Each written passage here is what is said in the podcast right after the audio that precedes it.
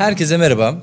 Uluslararası İşçi Filmleri Festivali emekçilerinin hazırladığı Sine Bellek programına hoş geldiniz. Ben festival emekçilerinden Umur Dağlı, diğer bir emekçimiz ve festivalimizin koordinatörlüğünü gerçekleştiren sinema yazarı Önder Özdemir ile birlikte programlarımızı gerçekleştiriyoruz. Bugün 3. bölümümüzdeyiz.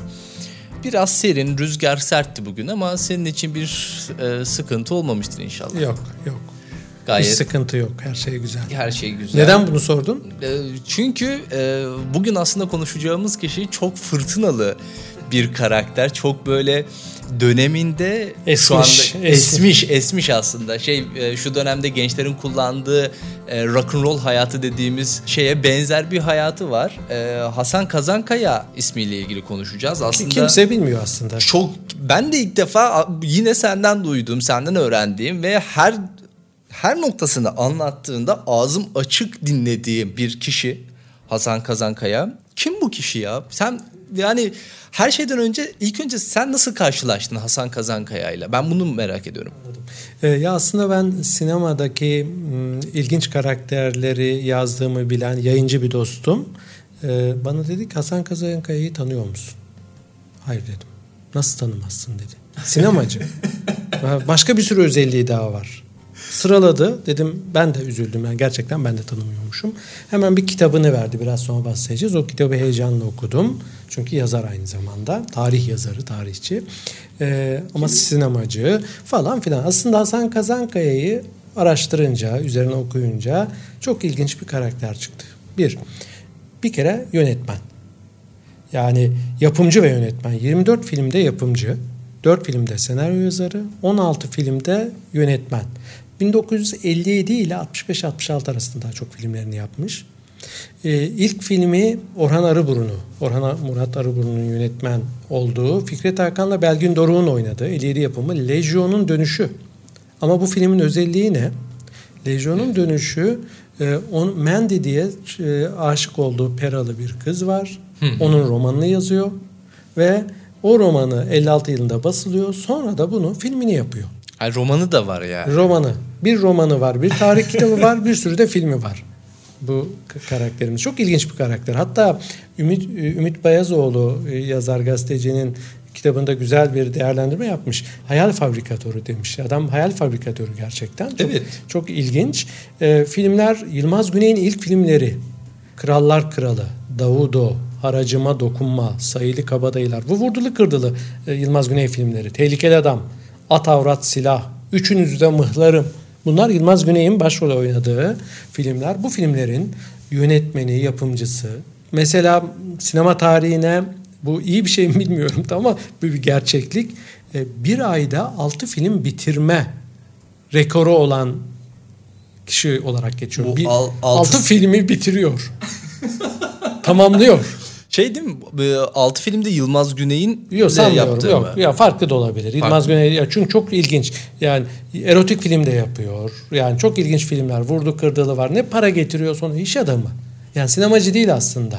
Yani o e, şeyin Yeşilçam'ın ben o özelliğini gördüm bu tür karakterleri. Birkaç karakterim daha var bu e, bu kimliğiyle öne çıkan.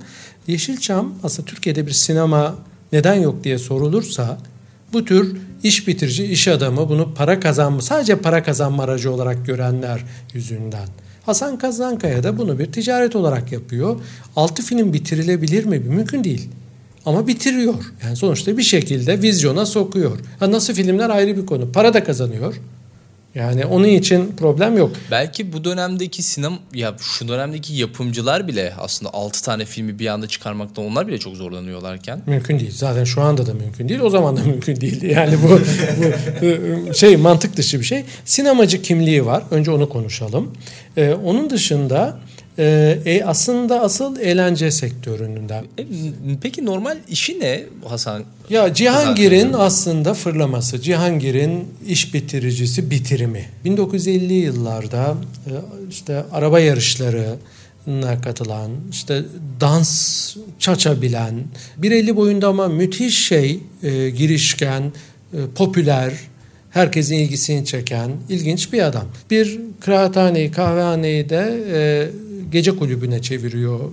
ilişkiler devletle, rüşvetle muhtemelen ilişkileri çok iyi olduğu için gece kulübü işine başlıyor ve asıl parayı oradan kazanıyor. Ve bir dönemin en ünlü e, büyük gece kulüplerinin işletçisi o. Mesela Suna Kıraç ve Pukoç'un kızı e, evlendiğinde onun gece kulübünde parti veriyorlar. Yani şey bir de sosyetenin de dikkatini çeken ilginç birisi. Mesela bir eğlence gemisini satın alıyor. E, o zamanki adıyla Erenköy Veysel Kaya'ymış. Hurdaya çıkarılmış. Onu denizlerce dolaşabilecek şekilde özel bir meclisten karar çıkartıyor. Onun gece kulübü işletiyor. Ondan sonra bu dev çadırları ilk başlatan o eğlence olarak çadır şeyi. Çadır mantığı şey. Evet.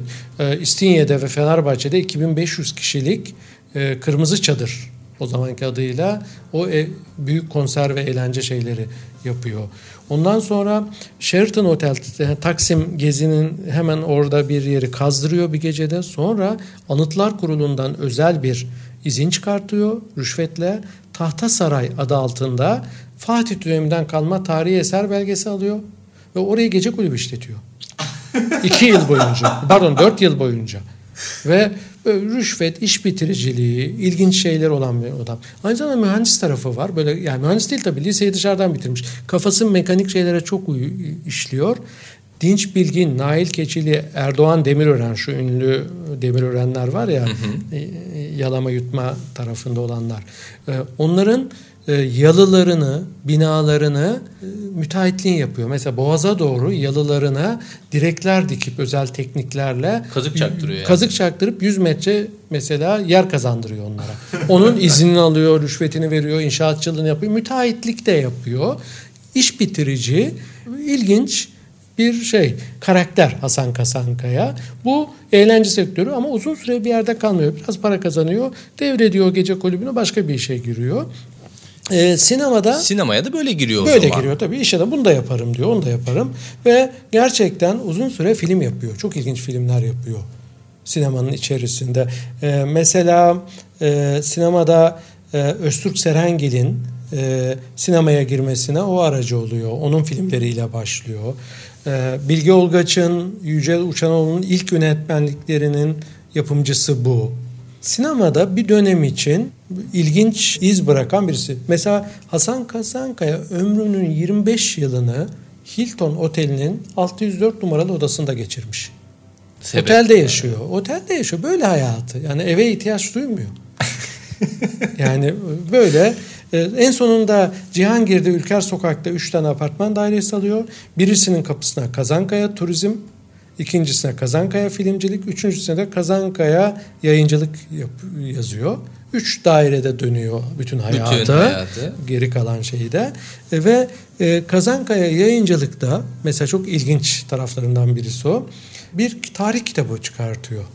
Çünkü oraya oraya geçmeden önce ben şeyi sormak istiyorum. 1960 ve 70'lerde biliyorsun hasta hatta 50'lerden de gelen bir şey var ya sinemamızda bizim hani bölgesel yapımcılar var ve ısmarlama filmler var aslında. Hasan Kazan Kaya'nın bu bölgesel bu ısla, ısmarlamacı yapımcılardan farkı ne? Aslında bölgesel e, yapımcılar değil, e, bölgesel işletmeciler yapımcılardan sipariş yapıyorlar. Pardon, doğru, Ad- Adana'daki doğru. işletmeci diyor ki, işletmeci grubu bana bir tane vurdulu kırdılı ya da şu oyuncuların oynadığı beş tane kavga sahnesi olan, bir öpüşme sahnesi olan film istiyorum diyor önceden. Ve o zamanın yapımcıları bu ısmarlamaya göre çünkü Adana'nın ihtiyacının olduğunu düşünüyor oradaki sinema işletmecileri e, ve o filmi yapıyorlar. E, şimdi bu aslında nabzı tutuyor. Şeyin nabzını tutan birisi bu e, ortamın. Yaptığı filmler de aslında çok değişken. Vurdulu kırdılı var hem erotik var. Bence o piyasanın ihtiyacını koklayan filmler yaptığını düşünüyorum ama hmm. bir taraftan da kazandığını başka bir şeye harcayan birisi. Yani şey yok, e, çoluk çocuğu olan, e, çok kısa bir evlilikten birisi değil, kısa bir evlilik yapmış ve bir daha evlenmemiş hiç. E, dolayısıyla bir yerlere hani para yığayım ve başka bir şey yapayım düşüncesi yok. Hep hayallerinin peşinde koşmuş ve ilginç projelere imza atmış. Birisi. Genellikle o zaman B tipi filmlerle Evet. diyebiliriz yani B tipi filmler üzerin yaptığı yapımcılığını yaptığı filmlerin büyük bir çoğunluğu. Yani zaten bir ayda altı film yapandan bir şey bekleme yani. Z, Z tipi bile diyebilirsin ona ya. Sinemada öyle bir özel bir şey olduğunu zannetmiyorum. E, sinema anlamında iz bıraktığın değil ticaret olarak yapmış. Ya zaten o kadar e, şey bir girişimcilik tipi var ki Hani mesela şu anda bir örneğini veremiyorum. Duyduğumuza göre kimi yapımcılar var ki işte Pima Penciymiş şu dönemde işte korku filmine para yatırıyorlar falan mesela. Öyle şeyler az çok yine ülkemizde var ama çok böyle az şeyde. Bu çok özel bir karakter Hasan Kazakaya. Mesela Orhan Boran çok ünlü bir sunucudur belki dinleyicilerimiz bilirler. Bir dönem için çok popülerdi. E, Leyli'nin Ömrü diye bir kitap yazmış. E, Hasan Kazankaya'yı şöyle anlatıyor da. Hasan Kazankaya'nın yakın arkadaşları onun renkli yaşamını anımsayacaklardır. Ben tanıdığımda Beykoz Kulübü'nde futbolcuydu. Sonra bir spor gazetesi çıkardı. Sonra emlak komisyonculuğu yaptı. Sonra yüksek bütçeli filmlerde yapımcı oldu. Peşinden gece kulüpleri işletti. İki yaz mevsimi büyük gazino patronluğu yaptı. Uzun süredir ses çıkmıyor. Üç yıldır bunu yazdığı dönemde üç yıldır ses çıkmıyor. Ama günlerden bir gün akla gelmeyecek bir alanda girişimlere tanık olursak şaşırmayalım diyor. O da sanırım kitap. Evet. Onu ki bu yazdığında kitap yok. Yani şeyde şey e, kitaptan bahsedeyim biraz. Ya evet. E, şimdi şeye takmış e, kitabı yazma e, anılarında bunu belirtiyor. Hı hı. E, ya İstanbul'un fethine ilişkin bize bir şey anlatılır. Söylence. Hı hı. İşte bir gecede Tophane'den 72 parça kalyon o zamanın gemisi, savaş gemisi diyelim. E, Haliç'e bir gecede çıkarılıyor İstanbul'un fethi kuşatması sırasında. İşte bu diyor, bu benim kafama yatmıyordu diyor. Yani burada bir sorun var. Hep buna odaklandım. Yani bir sorun var. Bunun yani hikayede bir eksiklik var. Bize anlatılıyor bir destan olarak diye buna kafayı takmış. Oturmuş tophaneden işte küçük simülasyonlar yapmış. E, kızaklarla çekilse anlatıldığı gibi ne kadar sürer? Bu arada gemileri incelemiş. 72 metre boyunda, pardon 60 metre boyunda bu kalyonlar. İşte bu kalyonlar 8 metre genişliğinde. Bunları nasıl taşınabilir? Ağırlıkları kaç ton? Kaç kişi nasıl şey yapabilir? Ve bir gecede haber kimsenin haberi olmadan bir gece kaç saatte ne kadar yapılabilir? Buna kafayı takmış sürekli. Ve en sonunda demiş ki ben bunun kitabını yazacağım. Ve bütün parasını topluyor, Avrupa'ya gidiyor. İstanbul'un fethi konusunda yazılmış bütün şeyleri getiriyor, kaynakları. Bir sürü çevirmen tutuyor. Kazankaya yayıncılığa oturtuyor.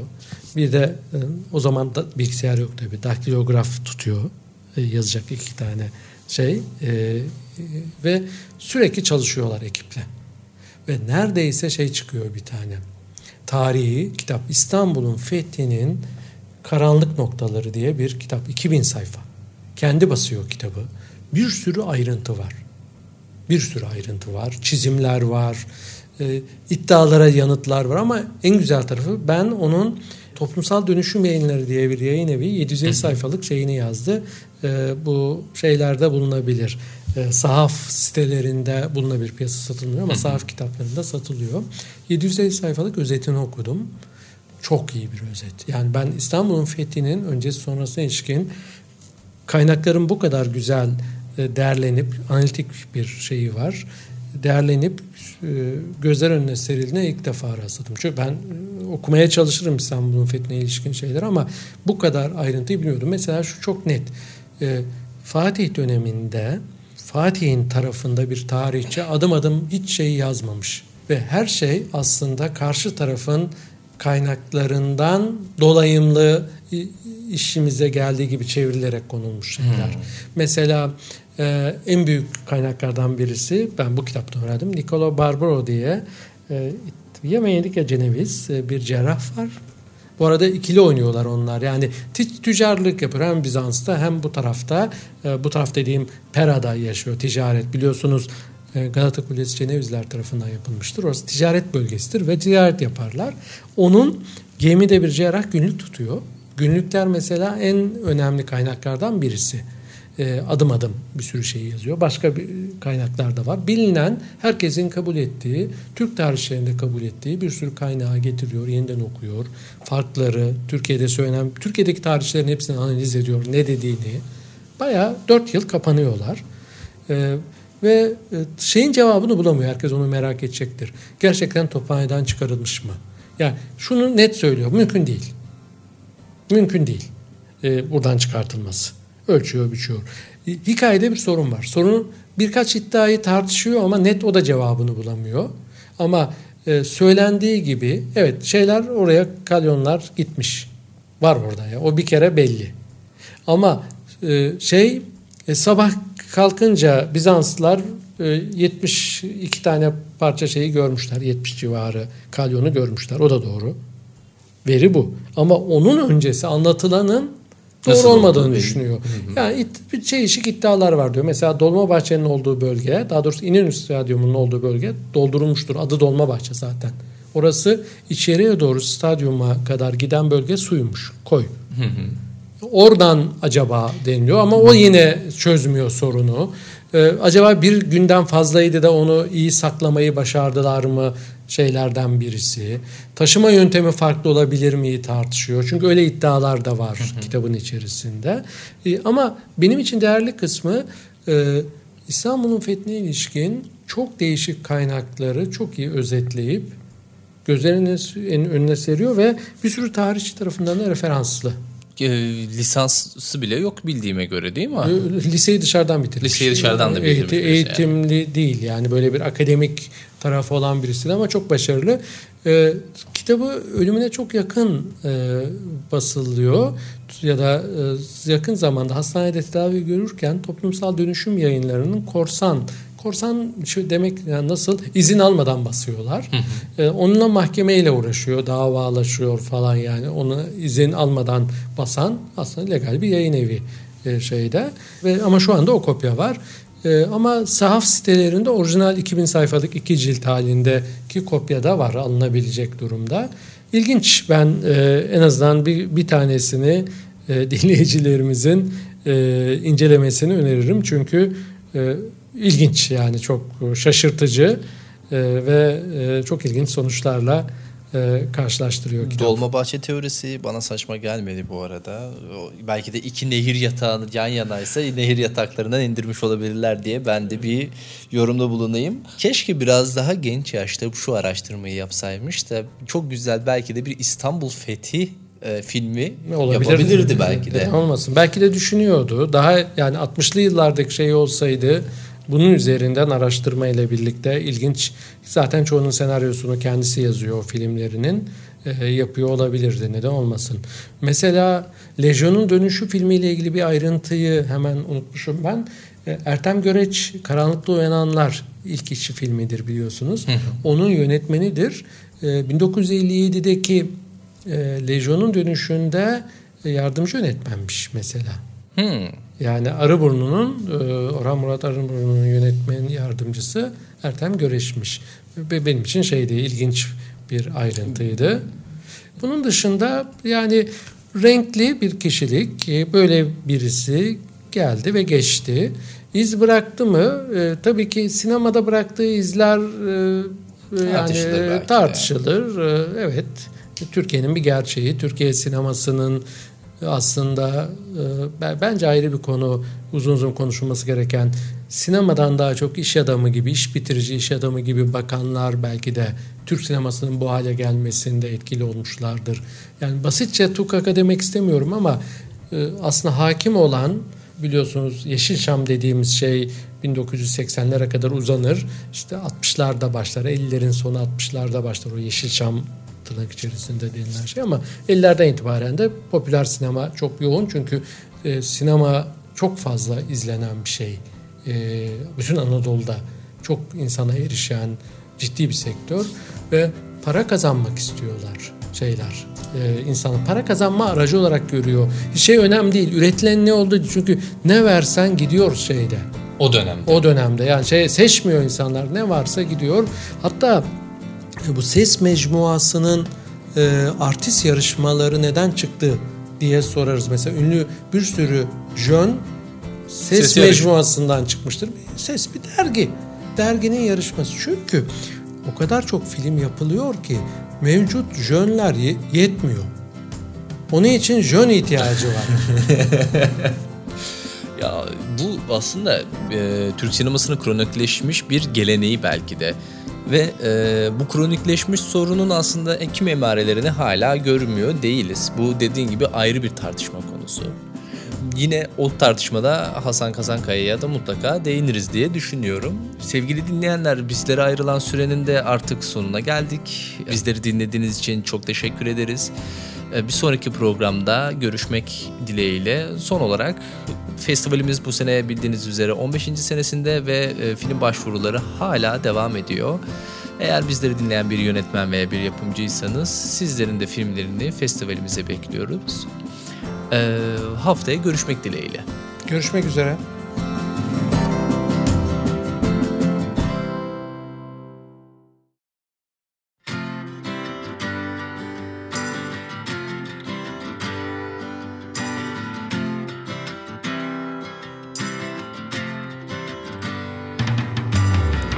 Sinebelli'nin haftanın filmi köşesine hoş geldiniz. Bu hafta sizlere İran'ın en değerli şairlerinden belki de dünyadaki en önemli, en değerli kadın şairlerinden Firu Fehruzat'ın yönettiği Ev Karadır filmini haftanın sinebellik filmi olarak seçtik. Film cüzamlı bir kolonide yaşamaya ve acıya bir bakışı merkezine alarak insanın durumuna ve yaratılışın güzelliğine odaklanıyor. Feruzat eski ahit, Kur'an ve kendi şehirlerinden alıntılarla filmin anlatımını zenginleştirerek bu filmi ortaya çıkarmış. Film 1962 yılında yapılıyor ve 26 dakikalık bir film. Bu filmi YouTube'da araştırarak aslında ulaşabilirsiniz. Genellikle 20-22 dakikalık versiyonları e, mevcut ama herkesin mutlaka izlemesi gerektiğine inandığımız bir film. Bu filmle ilgili görüşlerinizi haftanın Sinebellek filmi hashtag ile bizlerle paylaşırsanız seviniriz. Ayrıca sizlerden gelen film önerilerini kullandığınız sosyal medya platformlarından bizleri etiketleyip aynı hashtag ile paylaşırsanız çok mutlu oluruz.